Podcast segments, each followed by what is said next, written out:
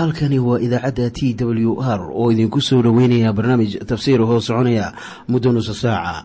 Waxaana barnaamijkan codka waayaha cusub ee waxbaridda ah idiin soo diyaariya masiixiin soomaaliya.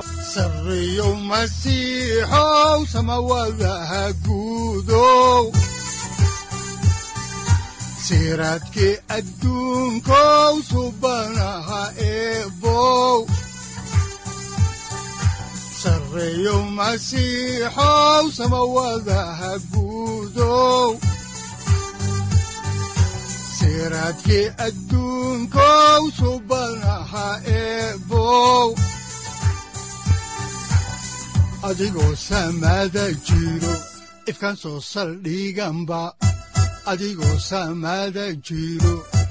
soo saldhiganba kutubtiisanaye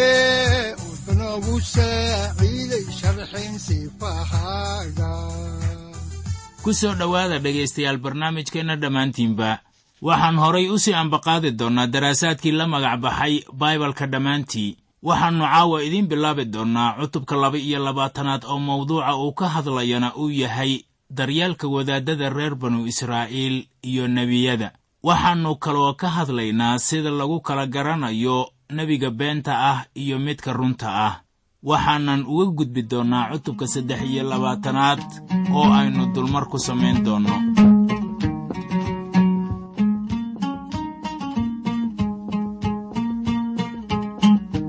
Ilaahi arliga umi inankiisa ku aamino annaguna waana decne irxamowna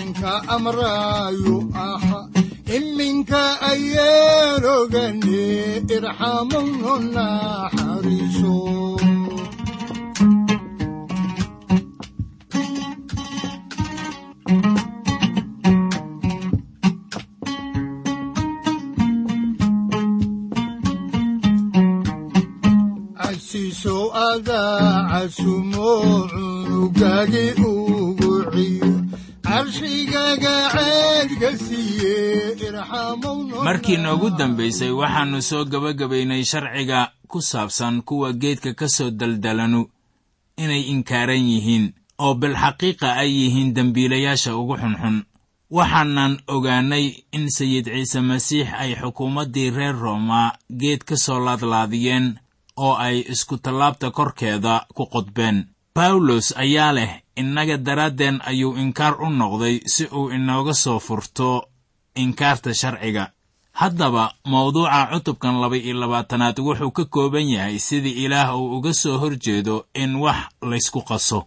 Sharciga derisnimada dharxidhashada ragga iyo dumarka dhismaha midhaha dhirta iyo guurka. Cutubkan wuxuu ina keenayaa meel kale oo uu ku kala qaybsamayo ama dhextaal u ah cutubkan. Waxaan horay u soo aragnay ku noqoshada iyo fasiraadda tobanka wasiyadood. Sida ay ugu qoran yihiin cutubyada shan ilaa toddobo. Dabeetana waxaa jiraya xeerar diimeed iyo kuwo qarameed oo aynu ku soo aragnay cutubyada siddeed ilaa kow iyo labaatan. Iminka waxaynu soo gaarnay xeerka ku saabsan guriga iyo xidhiirka shakhsi ahaaneed waxaana looga faalloonayaa cutubyada laba iyo labaatan ilaa lix iyo labaatan ilaah wuxuu haddaba u tilmaamayaa reer banu israa'iil inay sharcigan ku saabsan xeerarka shakhsi ahaaneed ee la xidhiira baadida iyo wadadeganaanshaha beesha. Haddaan maaddada ugu horraysa idin akhrinno waxaynu idin akhrinaynaa cutubka laba iyo labaatanaad aayadaha kow ilaa labo. Waxaa qoran sida tan. Walaalkaa dibigiisa ama laxdiisa oo baxsi ah intaad aragtid waa inaadan ka dhuuman laakiinse hubaal waa inaad walaalkaa u celisaa oo walaalkaagii lahaa hadduusan ku dhoweyn ama haddaadan isaga aqoon. Markaas waa inaad neefka baxsiga ah gurigaaga keentaa oo waa inaad haysaa ilaa uu ku yimaado walaalkaa oo doondoonaya oo markaas waa inaad isaga u celisaa. Maalmaheenna ayaannu maqalnaa wax ku saabsan sharciga deris wanaagga ilaah baase u soo dejiyey dadkiisa sharciga deris wanaagga berigaasi hore. Dadka qaarkii ayay la tahay inay iyagu ka dambeeyaan sharciyo badan oo dunida laga isticmaalo. Waxaase runtu ay tahay in sharciyadaasu ay ka yimaadeen bilowgiiba ilaah oo ay soo jireen amaba ka weyn yihiin nebi muuse xitaa. Waayo waxay ka yimaadeen ilaah daa'im ah oo weligii jiray ilaah weeye kan inoo sheegay inaan ku dhaqanno sharciga deris wanaagga waana in nolosheenna ay had iyo goorba ka muuqataa ama aynu ku dhaqannaa. Haddaan horay idinku sii wadno xigashada cutubkan laba iyo labaatanaad ayaannu eegaynaa aayadda afraad waxaana qoran sida tan. Haddaad aragtid walaalkaa dameerkiisa ama dibigiisa oo jidka ku dhacay waa inaadan ka dhuuman laakiinse hubaal waa inaad isaga caawisaa inaad la istaajiso ma ahan in dabeecad xun ama tuugannimo ay ku jirto deriskaaga ama qof kasta ee bini'aadan ah aad kula dhaqanto mana ahan in dhibka deriska keligiis loo daayo laakiin waa in lala qaybsado oo caawimaad iyo gacanba la siiyaa qofkaasi deriskaaga ah oo dhibaataysan haddaan xigashada horay idinku sii wadno oo aannu eegno kitaabka sharciga ku noqoshadiisa cutubka laba iyo labaatanaad aayadda shanaad oo ka hadlaysa dharxirashada waxaa qoran sida tan naagu waa inayan xidhan waxa nin leeyahay oo ninna waa inuusan guntan dhar naageed. Waayo ku alla kii waxaa sameeya waa u karaahiyo rabbiga ilaahaaga ah. Haddaba qof baa laga yaabaa inuu yidhaahdo tani innaga inama qusayso maanta. Waayo sharciga kuma hoos jirno.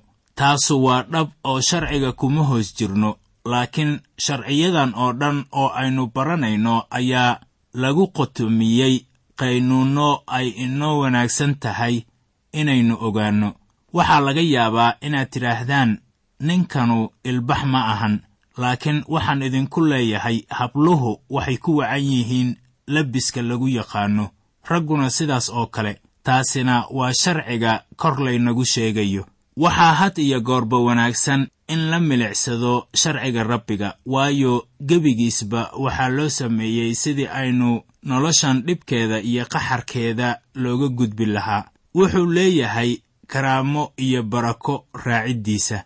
Inkastoo weliba aynu ku badbaadnay nimco taana kama dhigna inaan sharciga gadaal ka tuurno oo aan nidhaahno nimco ayaa ilaah uu inagu badbaadiyey sharcina looma baahna. Haddaba ilaah wuxuu inoo abuuray rag iyo dumar. Wuxuuna inoo sameeyey dharxidhasho aan isku mid ahayn. Wuxuu doonayaa wixii raggu ay leeyihiin in raggu ay xidhaan wixii dumarku ay leeyihiinna ay dumarka xidhaan. Waxaase isbeddelaya qaabnololeedkii bulshaweynta dunida oo waxaa muuqanaya qasnaan weyn oo dhex taalla ragga iyo dumarka. Niman waxaad arkaysaa timaha u daysanaya sida naagaha waana wax fadeexad miidhan ah in sidaa raggu uu yeelo. Waxaa kaloo jira hablo badan oo doonaya inay xuquuq la mid ah tan ragga helaan oo taasuna waxay keentay in la ilaabo qoyskii iyo nuxurkii uu lahaa guurka waxaanay keentay meelo badan oo dunida ka mid ah dhibaatooyin sababay furniin iyo quursi ku yimid gurigii reerka. Waxaana sabab u ah iyadoo dadku ay soo farageliyeen sharciyo wanaag loo dhigay beri hore. Haddaan horay idinku sii wadno kitaabka ayaannu soo gaarnay iminkana sharciga ku saabsan difaaca shimbiraha innagoo xaalkaasi ka eegaynaa kitaabka sharciga ku noqoshadiisa cutubka laba iyo labaatanaad aayadaha lix ilaa toddoba waxaa qoran sida tan. Jidka hortaada haddaad ka heshid shimbir buulkeed oo geed ama dhulka yaal oo ay buulka ku jiraan dhal ama ugxaan iyo hooyadood oo ku fadhida dhashii ama ugxaantii waa inaadan hooyada la qaadan dhasha si kasta ha ahaatee waa inaad hooyada sii daysaa laakiin dhasha waad qaadan kartaa inaad nabdoonaatid oo uu cimrigaagu ku dheeraado. Waa wax wanaagsan inaynu halkan ku aragno in ilaah uu daryeelayo xitaa shimbiraha. Xusuuso in sayid ciise masiix uu yidhi sida ku qoran injiilka sida matayos uu u qoray cutubka tobanaad aayadda sagaal iyo labaatanaad sida tan. Laba shimbirood miyaan beesad lagu iibin middoodna dhulka ku dhici mayso amarka aabbihin la'aantiis. Sida daacadda ah waxaa loola jeedaa in shimbirtu ay ilaah magan u tahay. Haddaba shimbirtu maxay tahay? Ama shimbiru maxay tahay? Laakiin ogow in ilaah u daneeyo xitaa shimbirta. Sayid ciise ayaa mar kale ku yidhi sida ku qoran cutubka tobanaad aayadda kow iyo soddonaad oo leh sidaa darteed ha baqina waad ka qiimo badan tihiin shimbiro badan. War maxay taasu yaa badan tahay? Haddii ilaah u daneeyo shimbiraha waxaa hubaal ah inuu garanayo wax badan oo ku quseeya adiga. Haddaan horay idinku sii wadno xigashada kitaabka sharciga ku noqoshadiisa ayaannu haatan eegaynaa xeerka quseeya dhismaha guryaha.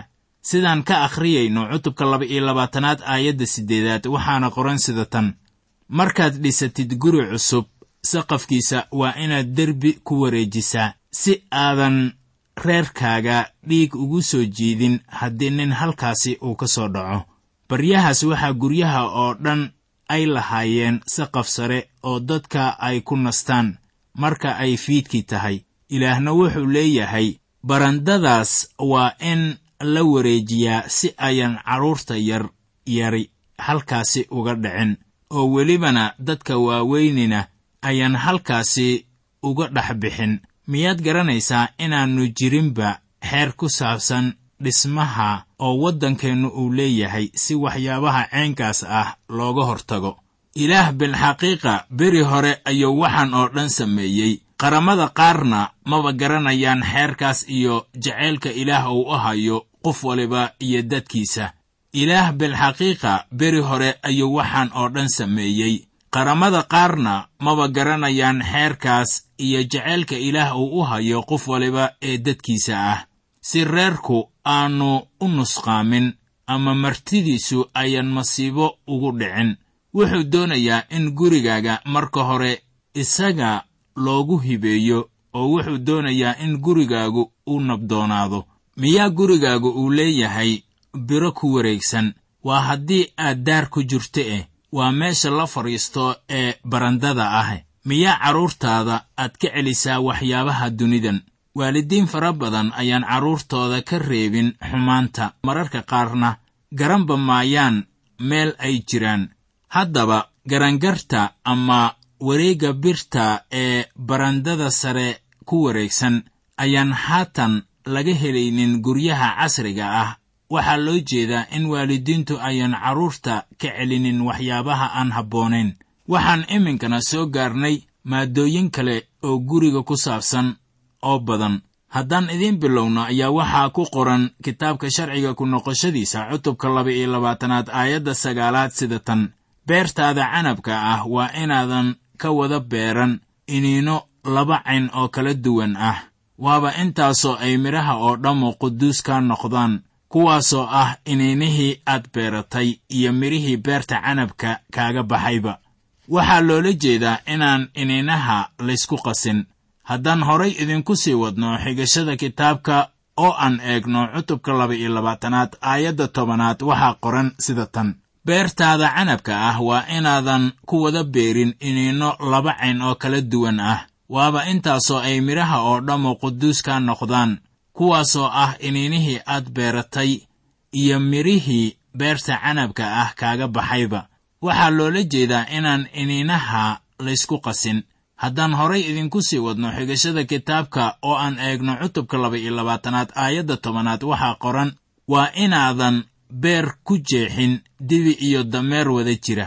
Waxay tanu u muuqataa wax dadka ka qoslinaya sida daacadda ah haddii aad tagto dhulka israa'iil waxaad arkaysaa in dadku ay dameer iyo dibi laysku xidhay wada isticmaalayaan ama beer ay ku wada falayaan. Laakiin ilaah wuxuu leeyahay waa inaadan beer ku jeexin dibi iyo dameer wada jira. Waxaa markaasi isweydin kartaa maxaa taasi ku jaban? Waa hagaag.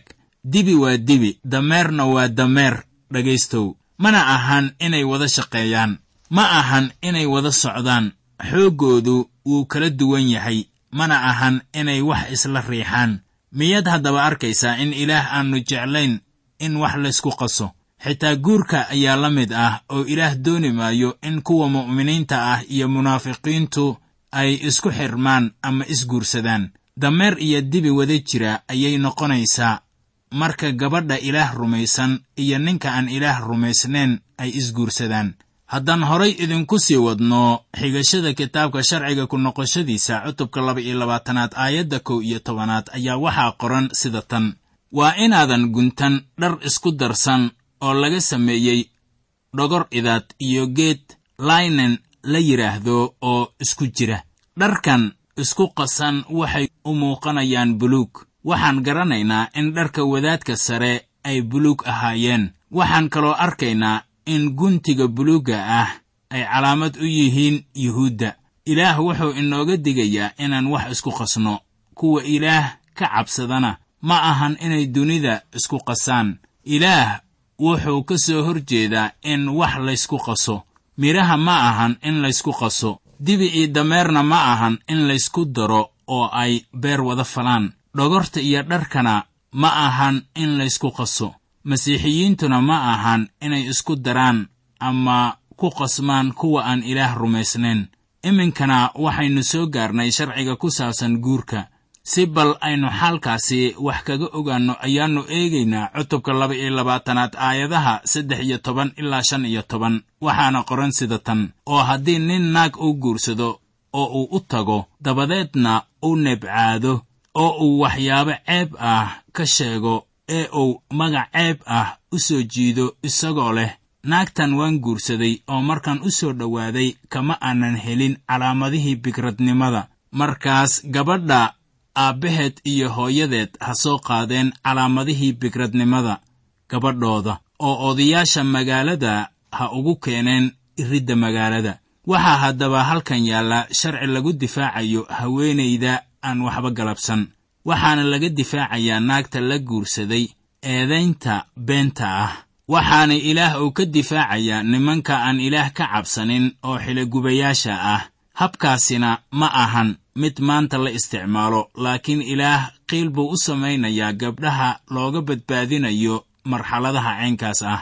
Haddaan horay idinku sii wadno xigashada ayaannu eegaynaa kitaabka sharciga ku noqoshadiisa cutubka laba iyo labaatanaad aayadaha labaatan ilaa kow iyo labaatan. Waxaana qoran sida tan. Laakiinse haddii waxyaalahaasu run yihiin oo gabadha laga waayo calaamadihii bikradnimada markaas gabadha dibadda ha u soo bixiyo oo ha keeneen guriga aabbaheed iriddiisa oo dadka magaaladaas jooga oo dhammu iyada ha dhagxiyeen si ay u dhimato. Maxaa yeelay iyadu nacasnimo bay ku dhex samaysay reer banu israa'iil oo waxay ku dhilowday gurigii aabbaheed oo sidaas waa inaad sharka dhexdiinna uga saartaan. Kaba soo qaad in gabadhu ay eedaysano tahay. Markaas waa in la dhagxiyaa sida sharcigu leeyahay. Maanta dadku waxay ka hadlaan damiirka cusub oo isgalmaadka guurka ka baxsan waxay u qaataan sida inuu yahay horumar laga sameeyey xagga guurka ilaah wuxuu dadkiisa siiyey heer sarreeya oo xagga damiirka ah. Damiirka sare ee ilaah uu inoogu sheegay kitaabka ayaa barako u ah qaran waliba haddii la raaco. Qaran waliba oo jebinaya wuu dhacayaa markii aan sharcigaasi ka fakaro iyo marxaladaha waddankayaga ka jira waan la yaabaa. Waxaan la yaabaa sida ay u sahlan tahay in nin gabar uu guursado iyo sida ay u sahlan tahay inuu furo. Sida kaloo ay u sahlan tahay inuu naago badan guursado waa ninka ah iyo sida ay ugu sahlan tahay inuu dayaco carruurta u dhalata. Haddii sida sharciga uu yahay loo raaco ilaah oggolaan maayo in nin naagtiisa uu ka tago oo uu mid kale guursado isagoo raaxadoon ah. Haddaba sharciga ilaah uu siiyey reer banu israa'iil ayaa qoraya in qofka macsiyaysta la dhagxiyo haddii uu rag yahay amase haddii qofkaasi dumar yahayba. Haddii nin ama naag sinaysatay la dhagxiyo ayaa taasi waxay keenaysaa ama abuuraysaa dagaallo qabiil. Ninkii ama naagtii la dilayna waxaa la leeyahay waxaa loo dilay in qabiilkayaga lagu xumeeyo. Haddaba sharciga waxaa ka horreeya caadifadda qabiilka. Inta ay sidaas tahayna soomaaliya lagama yaabo inay u hoggaansamaan shuruucda iyo caddaaladda ilaah wuxuu xurmeeyaa guurka iyo dhowrsanaanta qofka. Macaasida ciqaabteedu waa in qofka dhagax lagu dilaa sida sharciga ilaah uu qorayo. Waxaanay taasi inoo faahfaahinaysaa sida ilaah uu u arko macaasida saaxiibayaal. Waxaad xusuusataa in jacaylka ilaah uu u hayo dadkiisa lagu muujinayay sharcigiisa sharcigan uu ku difaacayo guurka ayaa tusaale wanaagsan u ah jacaylka iyo danaynta uu u hayo bini'aadanka. Haddaan intaasi ku soo koobno faalladii ku saabsanayd guurka iyo weliba cutubka laba-iyo labaatanaad ayaannu si toos ah idinku bilaabaynaa cutubka saddex iyo labaatanaad oo mawduuciisu uu yahay dunida damaca iyo shayddaanka cutubkan saddex iyo labaatanaadi wuxuu horay u sii bidhaaminayaa xeerarka ku saabsan reerka iyo xidhiirka shakhsi ahaaneed. Hadday noqon lahayd dunida damaca iyo shayddaanka kuwaasoo dhammaantood ah cadowga hortaagan qofka mu'minka ah maalin waliba saacad waliba iyo daqiiqad kasta. Waxaynu nool nahay maalin waxyaabaha aannu afku karin laga weecdo ama aan laga faalloon. Laakiin ilaah hadal cad buu ku hadlaa waxna ma maldaho ama ma qariyo haddaba marka baibalku uu ka hadlayo waxyaalo shakhsi ahaaneed ayaa dadku sida badan ay ka dheeraadaan amaba maba sheeg sheegaan haddaba ilama ahan in waxyaabahaas oo kale aan ka dheeraanno. Marka ay taasina inoo leedahay casharro ruuxi ah. Waxaannu ku bilaabaynaa xigashada kitaabka sharciga ku noqoshadiisa cutubka saddex iyo labaatanaad aayaddiisa koowaad sida tan oo kii xaniinyaha ka tuman ama guska ka jaran waa inuusan shirka rabbiga gelin. Haddaba sharciga waa mid aan caadi ahayn miyaanay ahayn dhegaystow haddaba muxuu ilaah doonayaa inuu halkan inagu baro? Waxay tanu qusaysaa kuwa wadaaddada ah ee ka soo horjeeda in raggu uu guursado iyagoo quduus iska dhigaya ilaahna taas wuu necab yahay. Wakhtiyadii dhexe ayaa rag badani waxay arkeen kharribnaantii xagga jidhka ahayd ee ka jirtay aasiya yurub iyo afrika waxaanay ka soo leexdeen dunida iyo waxyaabaheeda waxayna noqdeen suufiyaal. Waxay noloshooda oo dhan ka adeegi jireen macbudyada masiixiyiintu ay lahaayeen si ay dunida sharkeeda uga cararaan.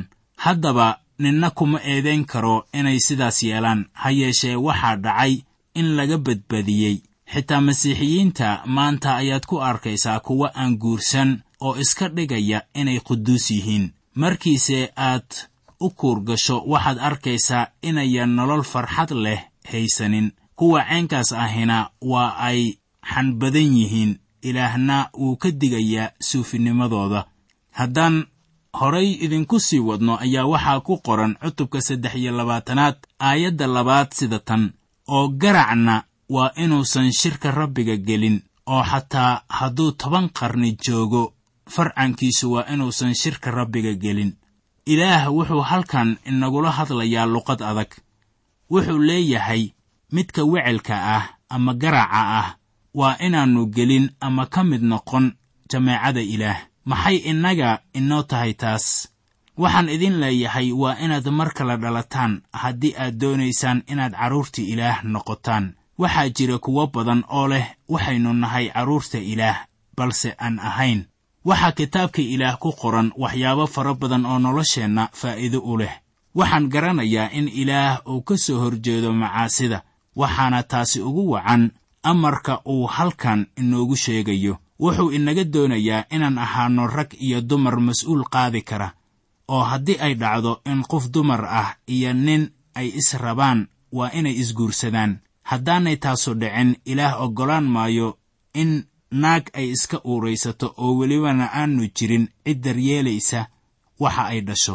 Cunugga aabbala-aanta dhasha wuxuu noqonayaa mid takooran dabeetana bulshada dhibaateeya wuxuu ku dhashay fal ilaah xarrimay wuxuuna bannaanka ka joogayaa xeerarka iyo shuruucda ilaah. Marnaba wixii ilaah ku saabsan cunugga aabbala-aanta dhashay ku farxi maayo sababtaas ayaa beri hore loogu diiday inuu ilaah soo hor istaago. Soomaalidu waxay tidhaahdaa wiilkaaga mar buu hiilkaaga baahan yahay waana markii aad hooyadiis guursanayso. Kan aabbala-aanta dhashayba nin baa dhalay. Miyaa haddaba doonaysaa wax jidhkaaga ka soo go'a kan aabbala-aanta dhashayba nin baa dhalay. Miyaa haddaba doonaysaa wax jidhkaaga ka soo go'ay in dunida lagu ciilo haddii aadan doonayn ka fogow macaasida iyo inaad hablaha been u sheegto oo dabeetana aad ka dhuumato. Haddii kale ilaah eedlaawe ku haysan maayo haddii aad damacdo inaad dunidiisa bidix iyo midig ugu socoto oo aadan xurmaynin sharciyadiisa. Dhegaystayaal haddaan caawa intaasi ku joojinno ayaannu habeenka xiga halkaasi idinka sii wadi doonnaa qisada kitaabka sharciga ku noqoshadiisa waxaan filayaa inaad dhegaystayaal faa'iidooyin badan durbadiiba hesheen waayo wax kasta ee rabbiga sharciga uu inoogu sheegayo waa kii uu addoonkiisii muuse ahaa waa nebi muuse ah uu u soo dhiibay. Waxaan filayaa inaad faa'iidooyin badan durbadiiba hesheen dhegaystayaal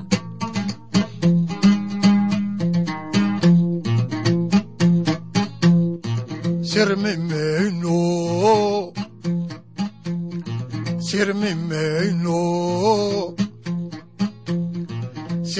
mayno sifiihi masiixan subax walba ku soconayo sirmi mayno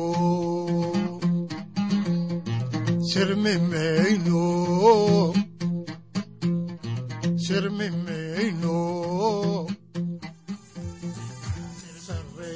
masiixow samawadaha guudow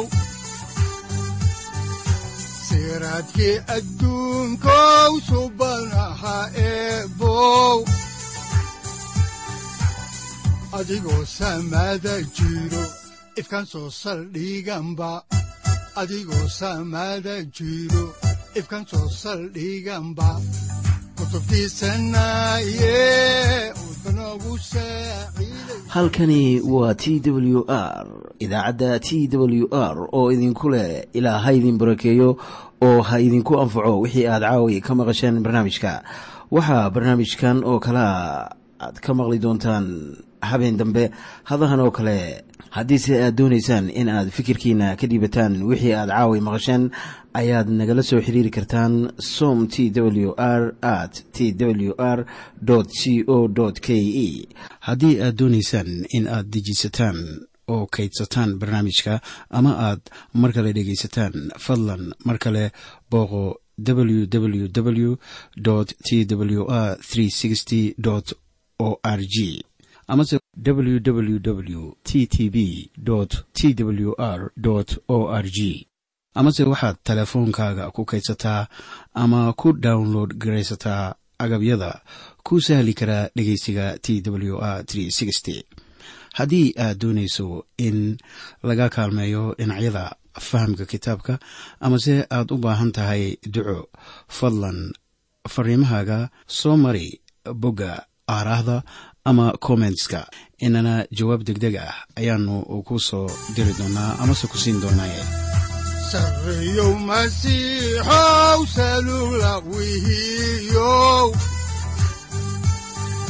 saacadda timid dhulka sabada ku dhalatiyo